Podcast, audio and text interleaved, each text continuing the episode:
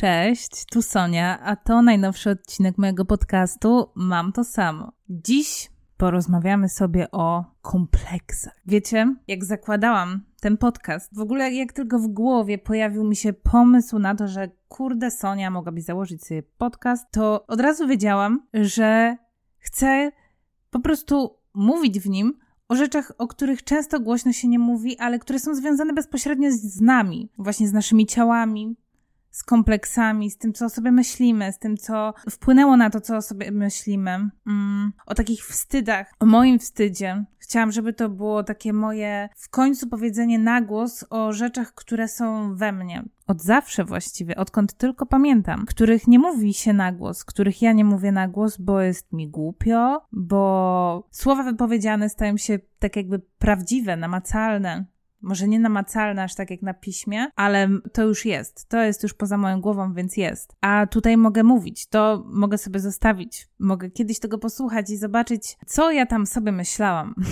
Nawet jak przygotowuję sobie tematy do odcinków i rozpisuję, co chciałabym w nich poruszyć, to widzę, jak bardzo to gdzieś mnie tam głęboko dotyka, bo wiem, że będę musiała w sobie troszkę pogrzebać. No i tak na pewno będzie dzisiaj, bo te kompleksy to jest coś, co jest właściwie ze mną od zawsze odkąd pamiętam, jak byłam, nawet jak byłam dzieckiem, miałam już jakieś kompleksiki takie malutkie, gdzieś tam coś tam było. W każdym razie kompleksy zawładnęły moim światem w ogóle od czasów nastoletnich. I chciałabym się z tymi kompleksami dzisiaj troszeczkę rozprawić, trochę o nich pogadać, powiedzieć Wam o moich kompleksach, rozłożyć je troszeczkę na czynniki pierwsze, skąd one się w ogóle biorą, skąd wzięły się u mnie. Chciałabym rozgrzebać temat kompleksów, bo wiem, że to jest coś, co dotyczy każdego. I nie wiem, czy zauważyliście, ale cały obszar niepewności siebie, krytykanstwa siebie, czy właśnie kompleksów przypisuje się głównie kobietom, nam kobietom. A to nieprawda. Mężczyźni też mają masę kompleksów, tylko to o tym się aż tak głośno nie mówi. Kompleksy nie mają płci. I słuchajcie, ja znowu moim przydługim wstępem, jak zwykle, ja zawsze to robię. Ale dobra, przejdźmy do takiego sedna. Kompleks to jest taki obszar, w którym czujemy brak jakiejś pewności, pewności siebie, mm, coś się nam nie podoba w nas samych w tym danym obszarze. Tak ja widzę kompleks. Powiem Wam, że nie sprawdzałam definicji kompleksu przed nagraniem tego odcinka. Może to jest błąd, ale ja właśnie tak widzę kompleks. I przy okazji jest to coś, co nas tak bardzo obciąża. Kompleks jest w ogóle jak taki kamień niesiony na plecach. On po prostu nam przeszkadza bardziej niż to, czego dotyczy. Tak, właśnie, bo zobaczcie sobie, że same kompleksy i posiadanie tych kompleksów jest dużo bardziej obciążające, stresujące, odbierające nam jakieś takie, wiecie, podstawowe w ogóle pociechy życiowe, niż sama istota kompleksu. Wiecie, najczęściej kompleksy związane są przede wszystkim z wyglądem. W mojej codzienności takie kompleksy noszę ze sobą. Natomiast kompleksy są różne i dotyczą różnych rzeczy. Właściwie, szczerze mówiąc, to tylko nasza wyobraźnia może zahamować to, gdzie te kompleksy sobie polecą, bo kompleksy mogą dotyczyć sylwetki, kompleksy mogą dotyczyć wyglądu twarzy. Dobra, załóżmy, że są kompleksy wyglądu, ale jest masa innych kompleksów. Można mieć kompleks pochodzenia, można mieć kompleks płci, można mieć kompleks związany z wykształceniem lub jego brakiem, można mieć kompleks związany z rodzicami. Ja na przykład, słuchajcie, jak miałam mniej więcej 6 lat i chodziłam chodziłam do zerówki. Na takiej wiosce koło mojego miasta rodzinnego miałam kompleks tego, że moi rodzice byli jedynymi rodzicami, którzy byli wprawdzie parą w tamtym czasie, natomiast nie mieli ślubu. A tam wszyscy rodzice mieli ślub, wiecie, no. Bo, a, twoja mama i tata nie mają ślubu. Kurwa, dzieci są straszne. Mała Sonia mówi, no i co z tego?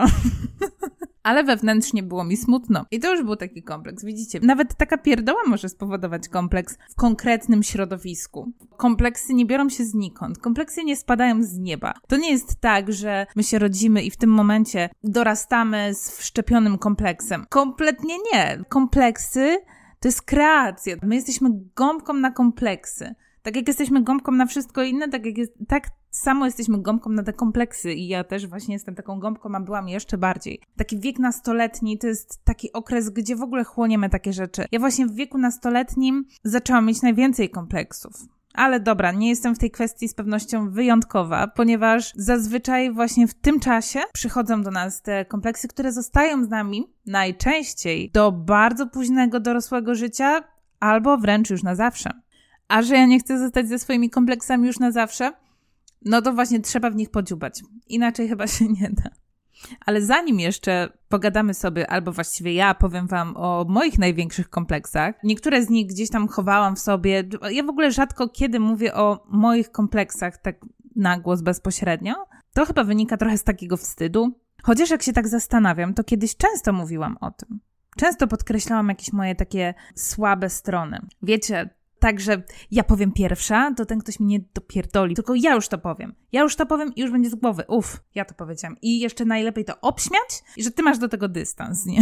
nie wiem, czy wy też tak mieliście, ale ja bardzo często tak robiłam. Na przykład jeśli chodzi o wagę, jeśli chodzi o włosy. Nie, no może nawet nie, że obśmiać, ale coś takiego zawsze, jak coś było nie tak, albo dobra, nie, bo ja będę wam spoilerować moje kompleksy, jak o tym powiem.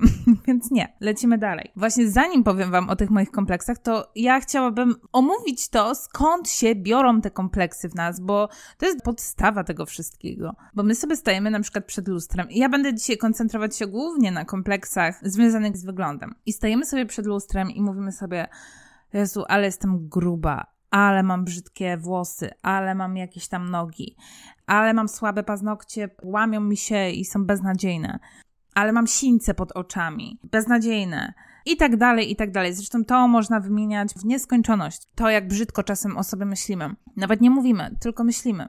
No ale skąd te myśli pojawiają się w ogóle w naszej głowie, nie? No bo kurde, no jak na przykład, nie wiem, miałam 4 lata i stanęłam sobie przed lustrem, robiłam sobie wtedy głupie miny albo coś, ale nigdy w życiu bym wtedy nie pomyślała czegoś takiego, że ale ty Sonia jesteś brzydka, masz gruby brzuch, ale masz dziwne palce. A więc skoro takiej czteroletniej Soni takie coś nie przyszło do głowy, to dlaczego przychodzi 27-letniej 15-letniej, 20-letniej. Dlaczego przychodzi komuś, kto ma 50 lat, 70? A więc całe sedno jest w tej naszej gąbce. W tym, że wchłaniamy wszystko, co widzimy, co słyszymy, co nam się przekazuje, czego nie chce nam się przekazać, czego się gdzieś szepcze, żebyśmy tego nie usłyszeli przypadkiem. Na początku słyszymy, jak ktoś gdzieś tam coś mówi. Słuchaj, Jezu, tak przytyłam ostatnio, masakra. Albo mamy 4 lata, 5 lat i słyszymy, jak sąsiadka do sąsiadki mówi o innej sąsiadce, że tak się postarzała, staro wygląda, włosy siwe jej wyszły i od razu czek, włosy siwe źle, zmarszczki, zmarszczki źle, jakaś gruba się zrobiła, no to gruba źle. I to też może dotyczyć różnych kwestii. Tutaj na przykład usłyszymy, akurat a propos sąsiadów i takich ploteczek, to tutaj z jednym, tutaj z drugim, puszczalska i już od razu wpisuje nam się z jednym z drugim to puszczalska. No i tak sobie chłoniemy, chłoniemy, chłoniemy.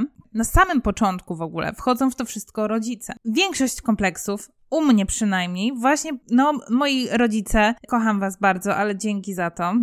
Ich słowa wykreowały moje kompleksy. Myślę, że w jakichś 90%. Dosłownie. To, co mówią rodzice o sobie, to, co mówią o innych, to, co robią, to, co mówią o nas, to, co mówią do nas, to, co mówią za naszymi plecami, to, co rodzice i dorośli, którzy są w naszym życiu, zarówno w, wieku takim dziecięcym, jak i później w nastoletnim, co mówią o innych ludziach, co mówią, jak oglądają telewizję. To jest zajebiście ważne. Wiecie, ile we mnie wykreowało się kompleksów przez to, co słyszałam, jak mój tato głównie, bo ma ogromną tendencję do tego, żeby komentować wygląd, to jak ktoś się zmienił, nie zmienił, zrobił się, nie zrobił, właśnie gdy ogląda telewizję. Wiecie, jeżeli usłyszycie na przykład, że jeden z waszych rodziców powie o kimś, że jest głupi, ponieważ załóżmy macie z 13 lat i wasi rodzice mówią, że ktoś tam jest głupi, załóżmy, że z rodziny, czy tam córka koleżanki, która ma 20 lat, jest głupia, bo nie poszła na studia, tylko poszła gdzieś, pojechała gdzieś za granicę pracować, no już życie skończone, nic nie osiągnie,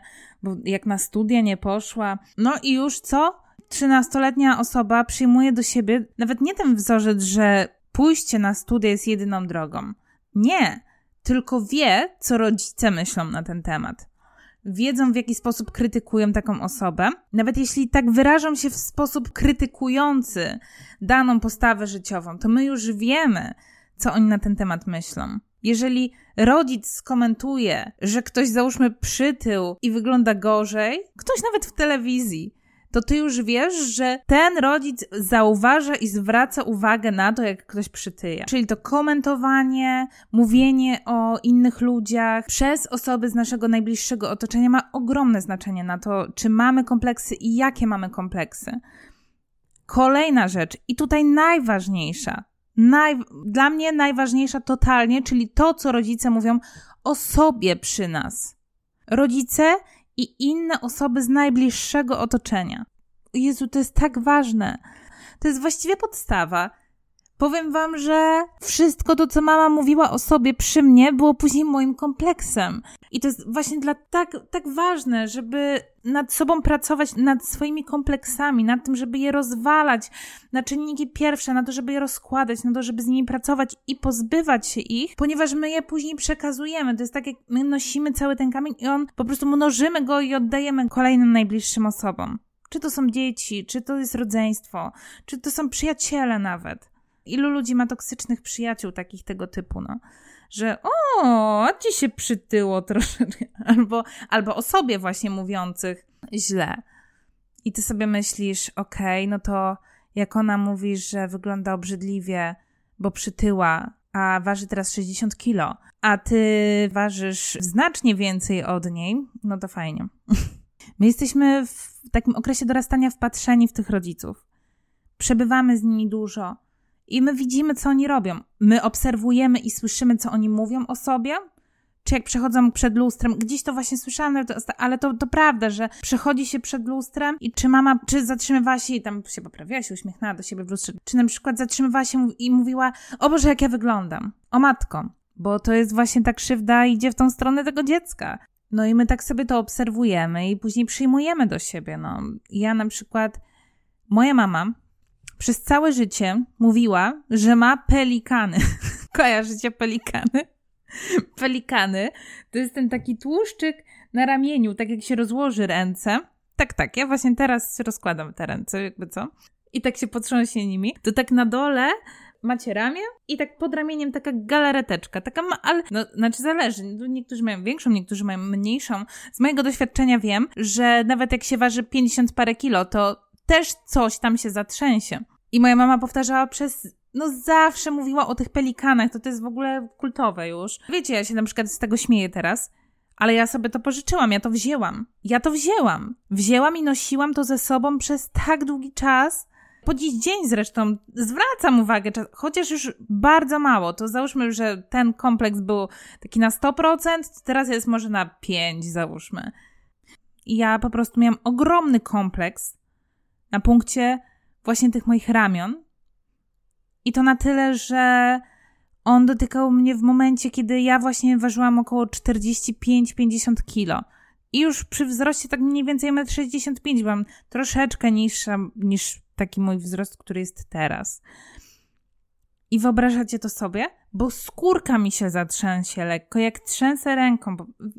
Masakra, to jest, to jest straszne. To mnie po prostu przeraża w tym momencie, jak sobie o tym myślę teraz bym siebie utuliła i powiedziała, boże, znaczy nie wiem, co bym powiedziała, bo co nie powiedziała, to tamta Sonia i tak by tego pewnie nie wzięła do siebie. Chociaż z drugiej strony, jak byłam nastolatką, to, to nie było koło mnie takiej kobiety, która by y, bardzo tak wyrażała jakąś aprobatę w stosunku do mnie, że mówiłaby, że jestem najpiękniejsza i tak dalej. Później przytyłam, i więc te, te pelikany były większe i bardziej tam się wszystko trzęsło, i ja wtedy w ogóle już kompletnie nie odsłaniałam ich. Nosiłam długie rękawy. A jeżeli nosiłam krótki rękawek, to musiał sięgać mniej więcej do łokcia, tak żeby zakrywał całe ramię. I tak jest, z jednej strony to jest śmieszne, ale z drugiej strony to jest mi zajebiście smutno, jak tak o tym mówię, bo ja przez jakieś 10 lat chodziłam cała opatulona z powodu głupich pelikanów, nie? Dobra, no nie tylko, bo do innych rzeczy dojdziemy, ale ej, serio, aż mi się płakać zachciało. Wyobraźcie to sobie. Znaczy ja wiem, że pewnie wie, wiele z was sobie wyobraża, bo, bo na pewno też macie jakieś takie swoje rzeczy tego typu, ale przez lata zakrywać się, jak jest na dworze 35 stopni i zakładasz długi rękaw, bo ci kurde skóra lata albo lekki tłuszczyk, większy, mniejszy, bo wiecie, ja w tej swojej życiowej karierze miałam różne stopnie tłuszczyku w ciele. Teraz mam dość duży nie największy w życiu, ale w ogóle nie zwracam uwagi na te pelikany. Już jakoś tak nie wiem, już rozpracowałam te pelikany i jestem z tego mega dumna, ponieważ to dawniej właśnie spędzało mi sens powiek i było jednym z moich takich czołowych kompleksów, które realnie wpływały na moje życie. I to wszystko tylko dlatego, że moja mama przez cały czas powtarzała, znaczy nie tam, że codziennie, ale zawsze mówiła o tych ramionach, że ma szerokie ramiona. O, właśnie, że szerokie ramiona jeszcze. I też ja zawsze tam, że mam szerokie ramiona, że mam taką budowę, że mam wąskie biodra i szerokie ramiona. A tak szczerze mówiąc, to w ogóle nie. No jak ja siebie pamiętam w takiej, gdzie mogę ocenić swoją sylwetkę, tak, tak wiecie, bez y, tej powłoki tłuszczykowej większej, czyli tak jak jest budowa moich kości, to to to nieprawda. W ogóle nie miałam szerokich ramion w stosunku do moich bioder, czy do czegokolwiek. W ogóle nie miałam szerokich ramion, a ja miałam wkręcone w głowie, że mam szerokie ramiona. Tak dla równowagi, żeby nie było, że tylko kobiety przekazują kompleksy. Mój tato z kolei Zawsze mówi, że przytył. Chyba, że jest akurat schudnie, ale tak to jak zawsze mówi, że przytył i jest szczupły. I tak mówi, że przytył, spasł się. W ogóle to, to żenada, szczerze mówiąc, aż to średnio mi przechodzi przez usta, bo uważam, że to jest paskudne stwierdzenie. No ale tak, i bardzo często tak mówi. A tutaj też nie trudno się domyślić, że my troszeczkę funkcjonujemy tak, że jeżeli słyszymy, że dana osoba zawsze mówi coś takiego, to jednak zwraca uwagę na to u innych osób. I rzeczywiście tak jest, ponieważ z kolei tato zawsze, jak na przykład nas odwiedzam, to mówi mi, ostatnimi czasy przynajmniej, teraz na pewno jak nie zobaczy, tak nie powiem, bo przytyłam ostatnio 5 kilo, ale nieważne, zawsze mówi, że o, ale schudłaś, a ja wcale nie schudłam na przykład, nie? To bo, ale po prostu to, to jest taki jakby, nie wiem, komplement w, w ustach mojego taty, a nie wiem, czy u, ale schudłaś, to jest fajny komplement. Nie wiem, dobra, ale to zostawiam na w ogóle inny, inny odcinek. Natomiast tutaj chodzi mi o to, że mój tato zawsze zwracał uwagę na tą wagę u siebie, zawsze, zawsze się krytykował, zawsze mówił, że się spasł jak świnia, cytat, oczywiście. I to w mojej głowie mocno zostało. I ja przez długi czas też, jak na przykład przytyłam, to też bardzo często mówiłam, to, to co mówiłam wcześniej, takie uprzedzanie, że wiem, że przytyłam, bo żeby ktoś mi przypadkiem nie powiedział tego, to głupie jest na maksa. To jest straszny mechanizm, który zostaje wciśnięty w głowę człowieka, jeżeli słyszysz coś takiego non-stop. I to jest takie smutne, bo wiesz wtedy, że ta osoba zwraca na to uwagę, także pewnie u ciebie, Słowa rodziców mają przeogromne znaczenie. Rodzice, nie krytykujcie się, Boże, przy dzieciach, błagam, naprawdę. Bo później jesteśmy takim lustrzanym odbiciem tego wszystkiego. A chyba nie chcemy być, nie chcemy, żeby nasze dzieci były odbiciem tego gorszego. Skoro tak bardzo czegoś w sobie nie lubimy, to przecież nie chcemy tego przekazywać komuś. Nie chcemy, żeby ktoś też się tak czuł. Chyba, prawda? No nie wiem, no przynajmniej wypadałoby, żebyśmy nie chcieli. Ja bym nie chciała.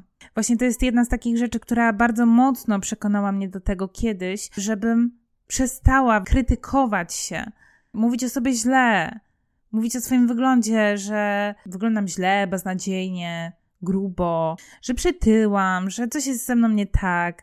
Właśnie nie przez to, jak to działa na mnie, po prostu bardzo mocno trafił do mnie ten przekaz tego odbicia, tego, że ja to mówię i to ma wpływ na innych ludzi. I to nie poprzez pryzmat mnie, że inni ludzie będą mnie widzieć jakoś, chociaż to też, bo im bardziej podkreślamy jakieś swoje kompleksy, tym bardziej ktoś może je w końcu zauważyć, nie? No bo ktoś w ogóle nie, nie widzi nas w taki sposób, a my zaczniemy mówić, że jesteśmy tacy, tacy, tacy, tacy i ktoś właśnie zacznie zwracać na to uwagę. No. Dopiero to, że spadło na mnie, że ja przez moje słowa mogę ranić inne osoby, przez to, że mówię, że przytyłam, to ktoś, kto jest nieco grubszy, czy nawet jest szczupły, ale ma zwraca uwagę na swoją sylwetkę, y, będzie wiedzieć, że ja zwracam też uwagę na jego sylwetkę, bo to mniej więcej tak zazwyczaj działa. To jest taki mechanizm, jakoś chyba Miłosz Brzeziński wspominał kiedyś o tym, że jak na przykład, nie wiem, chcemy sobie kupić czerwone Ferrari, to wszędzie widzimy czerwone Ferrari, albo białego Peugeota, to nagle wszędzie widzimy albo białe auta, albo białe Peugeoty. Albo jak chcemy kupić jakąś tam huśtawkę, to nagle wszędzie widzimy tą huśtawkę. Nie wiem dlaczego pomyślałam akurat o huśtawce. I tak jest mniej więcej tutaj, że jeżeli my się koncentrujemy u siebie na czymś, to też widzimy różne rzeczy u kogoś.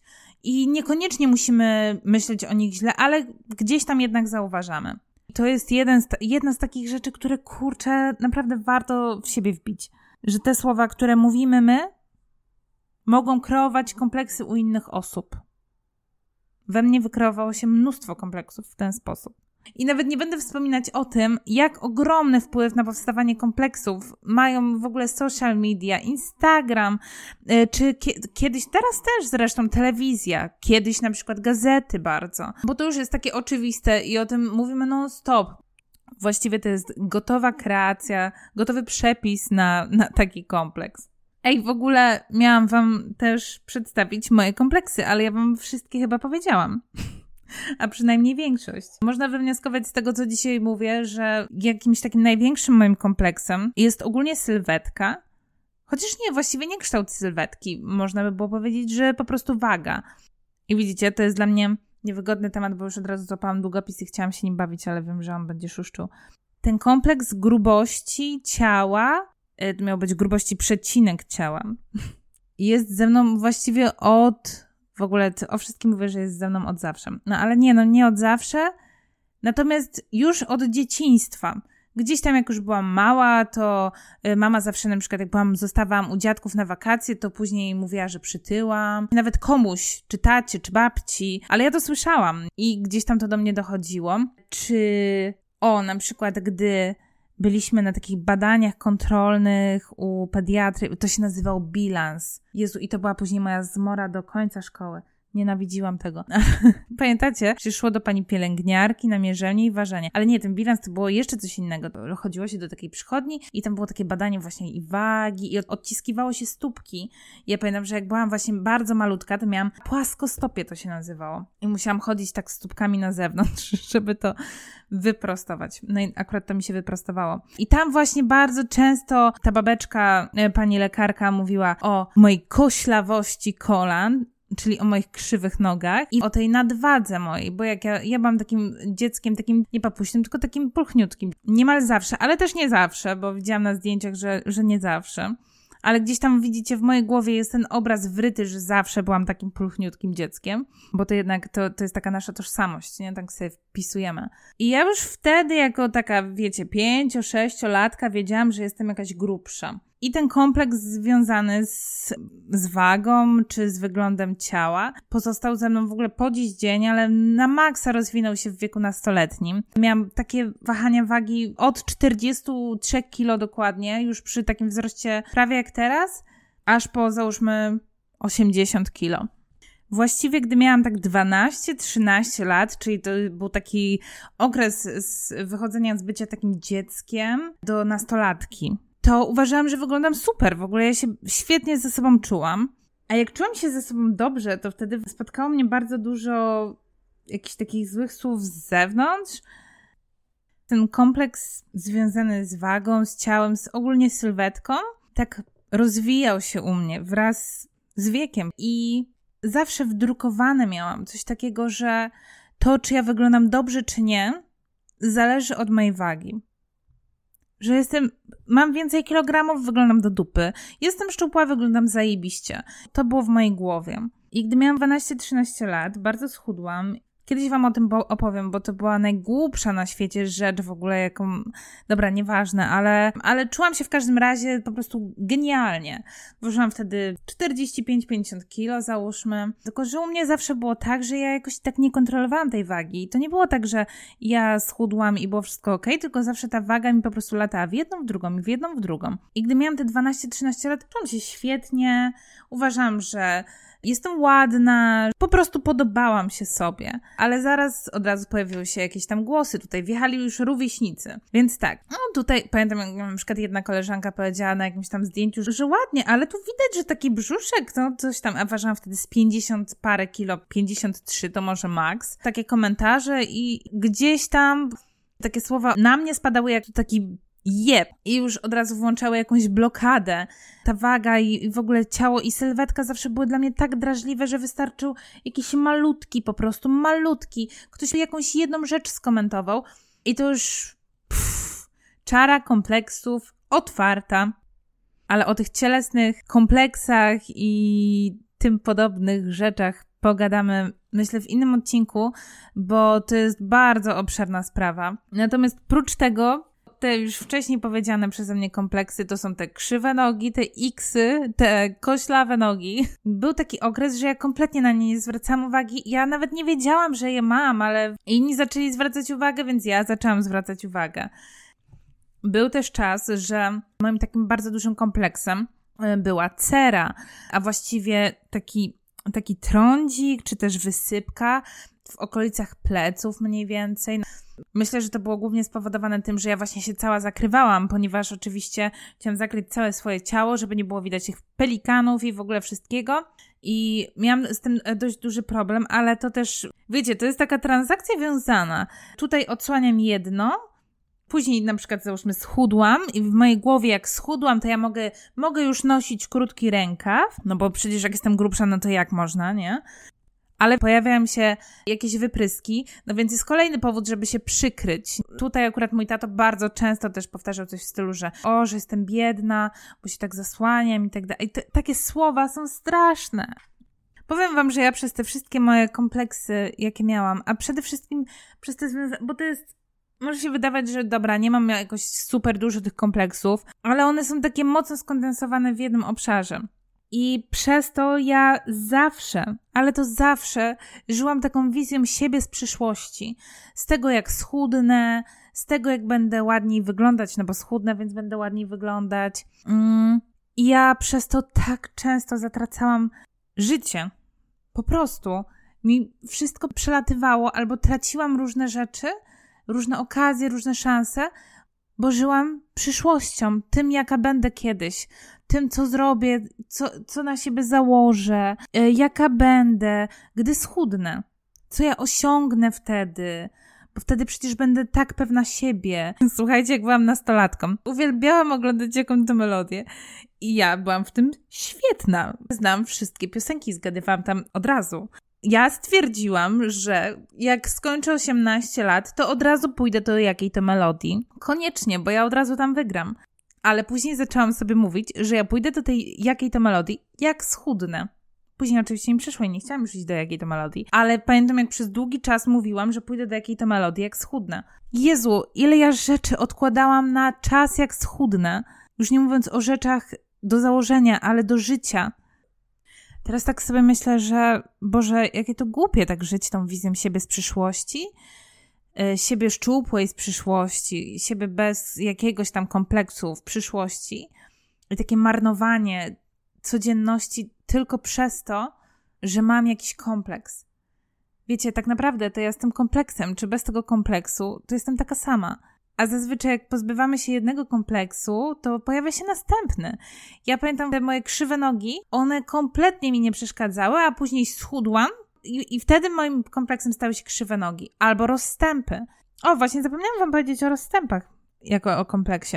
Chociaż teraz rozstępy nie są moim kompleksem, natomiast pierwsze rozstępy pojawiły mi się w wieku mniej więcej już 14-15 lat i wtedy były moim ogromnym kompleksem. Bardzo się ich wstydziłam, bardzo chciałam je schować i bardzo ich nie lubiłam. Ale właśnie tak gdzieś tam, mimo wszystko, zawsze, zawsze jesteśmy ze sobą, jesteśmy sobą i nieważne, czy mamy ten kompleks, czy go nie mamy. Myślę, że tak jest w obszarze każdego kompleksu.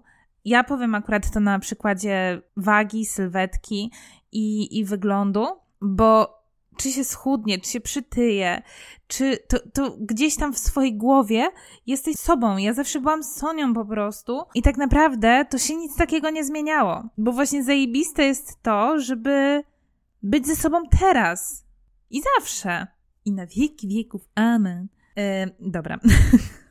Jezu.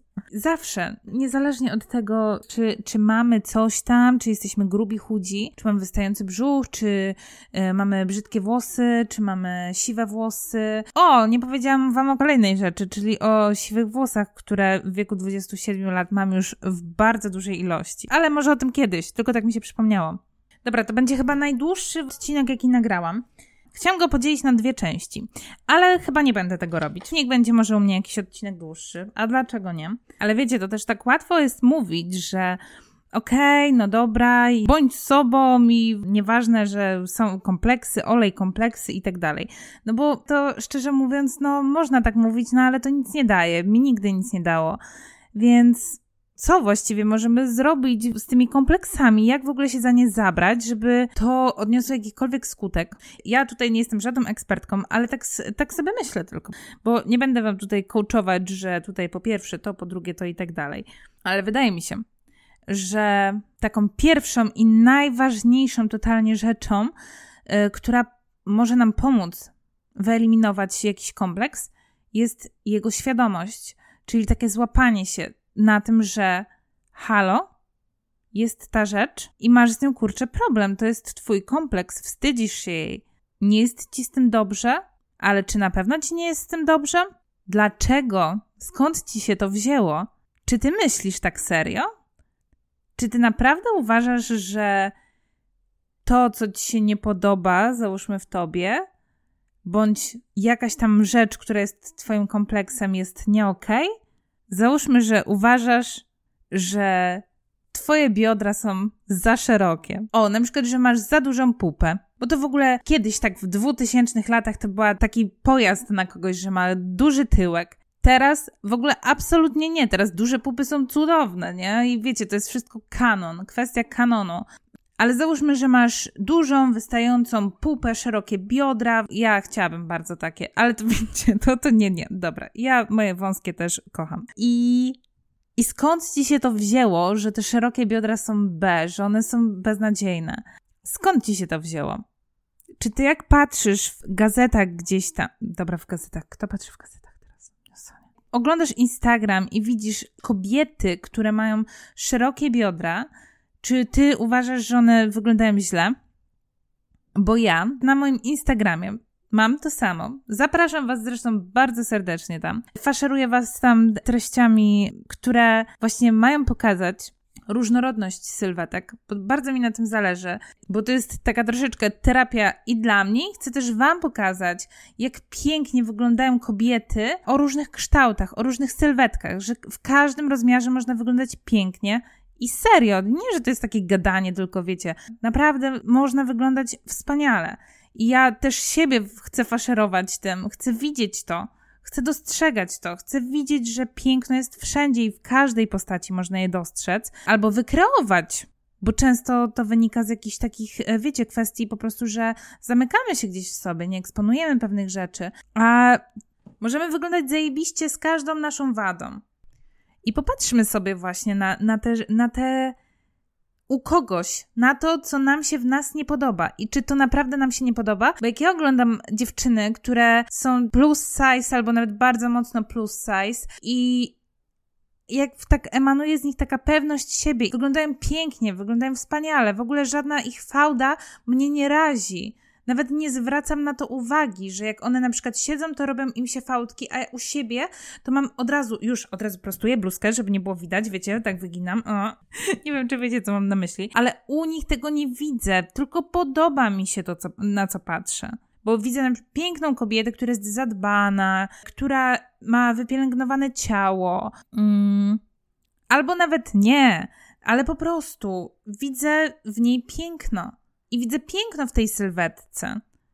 I widzę celulit i on w ogóle mi nie przeszkadza. A widzę go u siebie, to od razu mnie razi. Ale dlaczego? Bo celulit był tematem numer jeden chyba mniej więcej w latach 2000. Myślę, że to dlatego. Wszędzie było celulitis to, celulitis tam, to czerwona, nie czerwona, pomarańczowa skórka. Non stop o tym się mówiło. I wiecie, po prostu moja głowa to przyjęła. Bo te kompleksy są właśnie w głowie. To jest głowa, to jest nasza głowa i to jest to, co to dotyczy nas, a gdzieś jak spojrzymy właśnie na zewnątrz, to często okazuje się, że w ogóle, w ogóle tego tam nie kierujemy, tylko przyjmujemy to na siebie. Więc wydaje mi się, że taką najważniejszą rzeczą, ja bardzo często to praktykuję. Jeżeli mam w sobie coś, co, co mi się nie podoba, co jest obiektem mojego kompleksu, to staram się jakoś to rozebrać na czynniki pierwsze, zapytać się siebie, skąd ja to wzięłam, pomyśleć, czy ktoś tak mówił, czy gdzieś to już słyszałam. I zapytać się siebie, czy naprawdę mi to przeszkadza, albo co mogę z tym zrobić. Są w nas takie rzeczy, które są obiektem naszego kompleksu i z którymi możemy przecież coś zrobić. Bo to nie można przeginać w żadną stronę. Ale fajnie jest tak przyjąć, że okej, okay, mam takie włosy, no mam takie włosy, no. I tak sobie myślę, że właśnie dopóki nie skonfrontujemy się z tym problemem, nie zdamy sobie sprawy z tego kompleksu, będziemy się po prostu w nim cały czas topić, taplać i to się nie skończy. A dodatkowo każde słowo, każda uwaga, każda aluzja, czy choćby, nie wiem, temat gdzieś tam w rozmowie, który zahaczać będzie o kwestie związane z naszym kompleksem, będzie wzbudzać w nas czujność, będzie wzbudzać nas, w nas lęk, że ktoś poruszy temat związany właśnie z naszym kompleksem i może jeszcze wywoła nas do tablicy, nie daj Boże, jeżeli chodzi o coś takiego. I chciałabym, żebyśmy nie byli tymi naszymi wizjami siebie z przyszłości, żebyśmy nie byli tymi ludźmi, którzy już zapuścili te włosy, już schudli, już wyrównali sobie kolana, albo już wyjechali z jakiegoś małego miasta do wielkiego, tylko takimi, jakimi jesteśmy teraz. Po prostu musimy to przyjąć, no. A te paskudne kompleksy, one, kurde, one nas trują strasznie, zatruwają naszą codzienność. Ja zdaję sobie sprawę, że nawet takie malutkie, maciupcie kompleksy będą gdzieś z nami zawsze. Gdzieś nawet taki ułamek myśli może się pojawić nawet w całym takim oświeceniu i świadomości. I tak gdzieś może się to pojawić. Ale fajnie jest nad tym panować, fajnie jest zdawać sobie sprawę i wiedzieć, odkryć to. A tak przede wszystkim to te kompleksy do niczego nam nie są potrzebne. Do niczego. Beznadziejne są kompleksy. I to dotyczy zarówno tych, które są związane z ciałem, jak i z pochodzeniem, z wykształceniem, z czymkolwiek, ze wszystkim, z, ze wszystkim.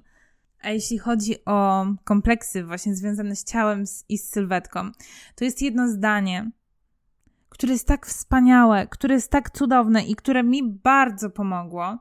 I to zdanie, twórczynią tego zdania jest bodajże e, babeczka, której Instagram nazywa się Kisiel. Wydaje mi się, że tak się mówi przynajmniej. I to zdanie brzmi: Ciało to nie jest ozdoba, ciało to narzędzie. I to jest tak genialne. Słuchajcie, to jest taki game changer, po prostu totalny. No, dla mnie na maksa to zmieniło patrzenie na, na moje ciało, na to, jakie widzę, na to, jak o nim myślę. Bo jasne, ja mam kompletnie i tak nieprzepracowany ten temat i on się u mnie pojawia nie, po prostu notorycznie. Natomiast zawsze, gdy coś mi się nie podoba, gdy chcę coś skrytykować, to tak sobie myślę, że przecież kurde, to moje ciało to jest narzędzie, ja dzięki niemu robię tyle rzeczy i to jest wspaniałe. Tylko to dotyczy ciała oczywiście, ale wiem, że masa kompleksów właśnie jest związana z tym, jak wyglądamy.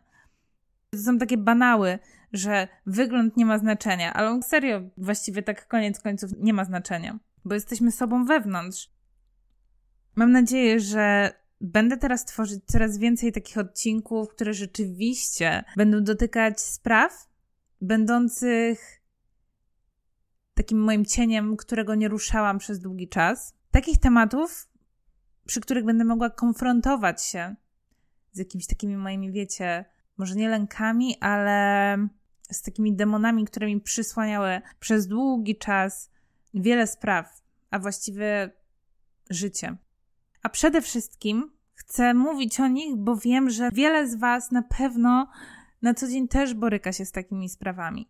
A że często nie mówi się o nich w ten sposób. Często mówi się, jak na przykład pozbyć się czegoś tam, albo jak stać się jakimś tam i tak dalej, ale rzadko kiedy mówi się o, o kompleksach tak od kuchni. Czyli w taki sposób, wiecie, jak, jak się z nimi czujemy, skąd się właśnie wzięły i jak rzeczywiście można sobie z nimi radzić, ale też jak dzieje się to, że mimo, że pracujemy z tymi kompleksami, to wciąż one się gdzieś tam przebijają. I po prostu one są takimi cwaniakami małymi, z powrotem gdzieś tam wcinają się w jakiejś takiej sytuacji, gdzie my jesteśmy niżej i ciak, znowu ten kompleksik wlatuje. Ale właśnie dlatego trzeba z tym pracować, bo trzeba mieć to w rękach, no, kurde. Świadomość. Świadomość, świadomość. Dobra, bo ja już wchodzę w takie rejony. Na pewno słyszymy się w następnym odcinku, w którym też poopowiadam troszeczkę o kompleksach. Myślę, że następny odcinek będzie dotyczył właśnie tych rzeczy, które mnie ominęły przez to, że byłam skupiona na swoich kompleksach. Zapraszam Was też na mój Instagram mam.to.samo. Rzadko tam coś wrzucam wprawdzie, ale obiecuję, że będę robić to częściej.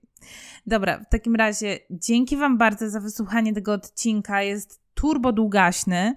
Mam nadzieję, że będzie Wam się dobrze go słuchać. Dajcie znać, skąd wzięły się Wasze kompleksy i jakie kompleksy prześladują Was przez większość Waszego życia, które się pojawiły z nienacka i kto Wam je przekazał albo gdzie je podpatrzyliście. A więc słyszymy się w najbliższym czasie. Pa!